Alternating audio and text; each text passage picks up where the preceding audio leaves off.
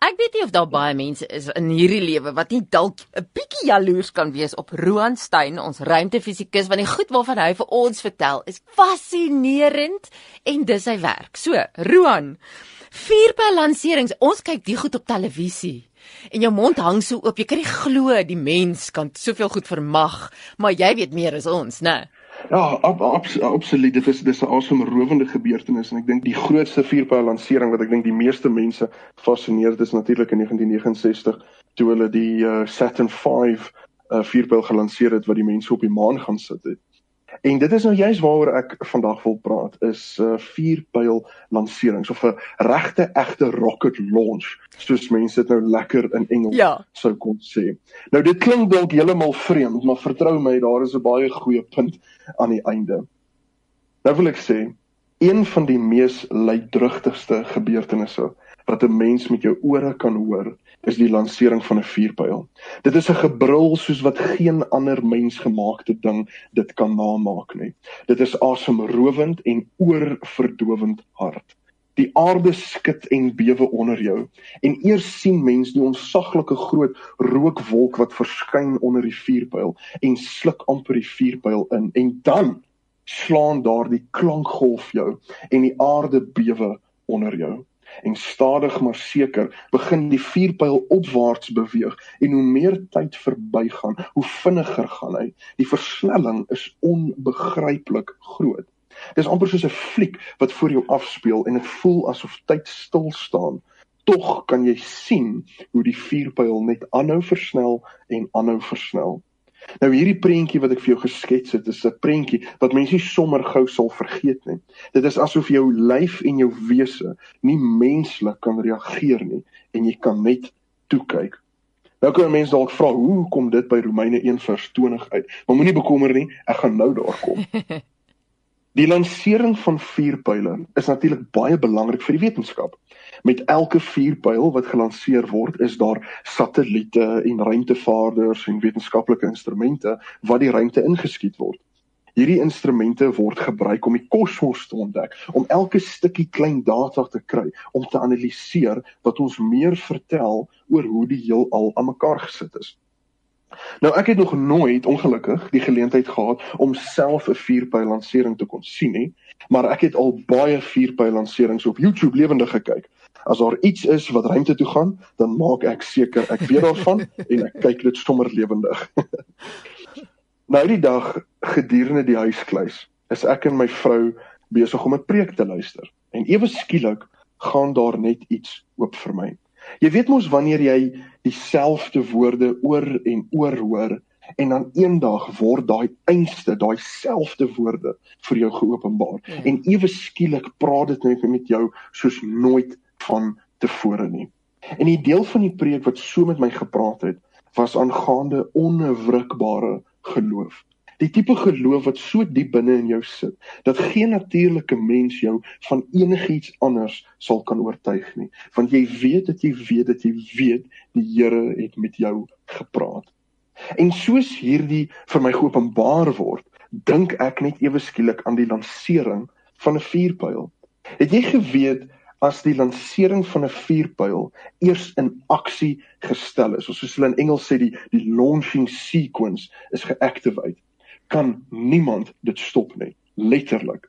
As die vuurpyl se engines begin vuur en die vloeibare waterstof is besig om te brand dan is daar nie 'n groot genoeg brandblusser binne 'n 100 seemyl om hierdie tipe brand te blus nie. Wow daar is eenvoudig nie 'n afknoppie vir 'n vuurpyl nie.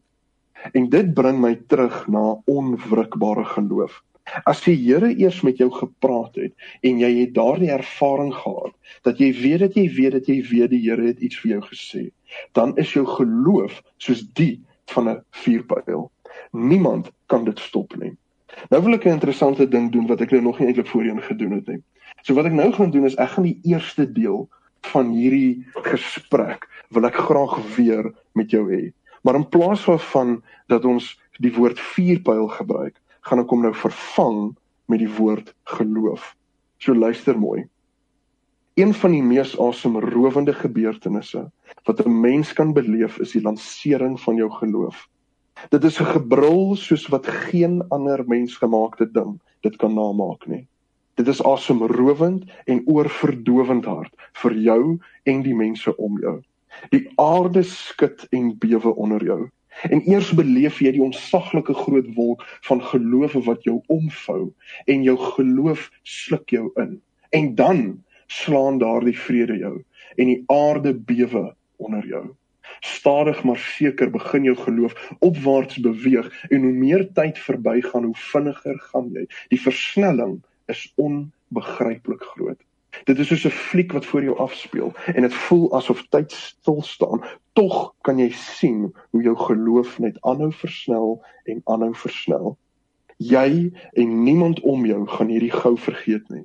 Dit is asof jou lyf en jou hele wese nie menslik kan reageer nie en jy kan net toe kyk hoe die gees in jou werk. Is dit nie absoluut aangrypend nie? Ek gaan hierdie ding oor en oor luister. Dit is daar is nie woorde en dit is so. Dit is so. Dit is 'n werk van die Here af hierdie ding. As jy so praat van hoe die Gees, jy kan net toe kyk hoe die Here hierdie brullende ding in jou sit. En as die Here eers in jou iets in jou gesit het, is daar geen afknoppie daarvoor nie. Absoluut. Absoluut. Daar is dat niemand niemand kan dit afsit nie. En en dit het dit het net vir my so oop gegaan. Ek is nou glad nie 'n iemand wat die Bybel nou moet teach nie. Um maar ek het ek so dit is hoor sê wat ek nou sê, maar uh ek dink hulle praat van 'n dominus woord waar waar 'n gewone woord in die Bybel wat jy lees, dis net woorde. En aan die oomblik as dit vir jou geopenbaar word, dan gaan daai einste woorde kom vir jou lewendig. Mm, maar, en dan sit 'n rema woord. Ja ja ja ja, dis presies dit. Dis presies dit, ja. Um, dan en dit is net absoluut dit is 'n ongelooflike ervaring en dit is dit is hoekom daar soveel in 'n menslike realm nou, die fisiese wêreld, hoekom daar soveel voorsorgmaatreëls getref word want as hulle eers daai knoppie gedruk het en dis ook nou nie soos in die movies waar dit nou net een knoppie is nie dis 'n duisende knoppies as dit as dit nie een knoppie nie ag nee 'n groot rooi knoppie wat lyk asof jy hom so met jou hand druk. Hy nog altyd daai groot rooi knoppie wou druk.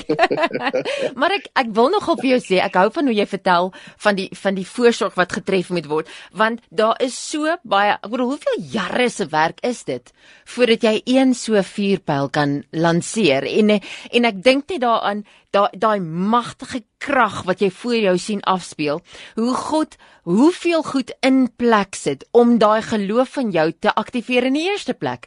Die die geleenthede die besluite die oorwinnings elke keer wat jy gefaal het elke ding wat in plek gesit was om jou te bring by hierdie oomblik van die duisende rooi knoppies. Daar's daar's al daai goed wat ons glad nie van bewus is nie en dan wanneer dit gebeur is dit iets wat so diep in jou is daai hele ding van dat dit nie gestop kan word nie dit is 'n magtige prentjie daai Ag ek stem 100% met jou saam dit is binne 'n mens in jou gees in jou siel in jou menswees en natuurlik mense in 'n 100 seemyl om 'n vierpyl lansering kan hom nie miskyk nie ja, ja. dit is so, so wanneer jou geloof posvat gaan mense eenvoudig dit nie kan miskyk nie. Dis baie opsigtelik. Okay, vertel my nou, as ek nou ook een van die lanserings wil kyk, waar kyk jy hulle? Wel die die meeste is maar op SpaceX se uh, YouTube kanaal. Uh, hulle doen meeste van die lanserings op hierdie stadium. En dis en net hulle, Space met 'n X agter. Ja, dit is uh, dis maar net Space met 'n hoofletter X ehm um, agteraan. Ehm um, hulle hulle hou daarvan om hulle lanserings uit te saai en wat ek nogal hou daarvan is dat hulle soos mense in Engels sal sê, ehm um, hulle cover die event baie goed. So hulle het mense wat gesels oor uh weet hoe die vierpyl aan mekaar gesit is. 'n bietjie van 'n 'n voorprogram en hulle verduidelik wat gaan gebeur en dan dan éventueel dan kom hulle nou by die vierpyl lansering uit wanneer almal nou reg is. Wel, kan ons net sê, ek dink nie toe jy vanoggend radio kansel aangesit het dat jy gedink jy gaan vandag leer oor vierpyl lanserings nie, maar jy het en jy het hom geroemyne 21 ook.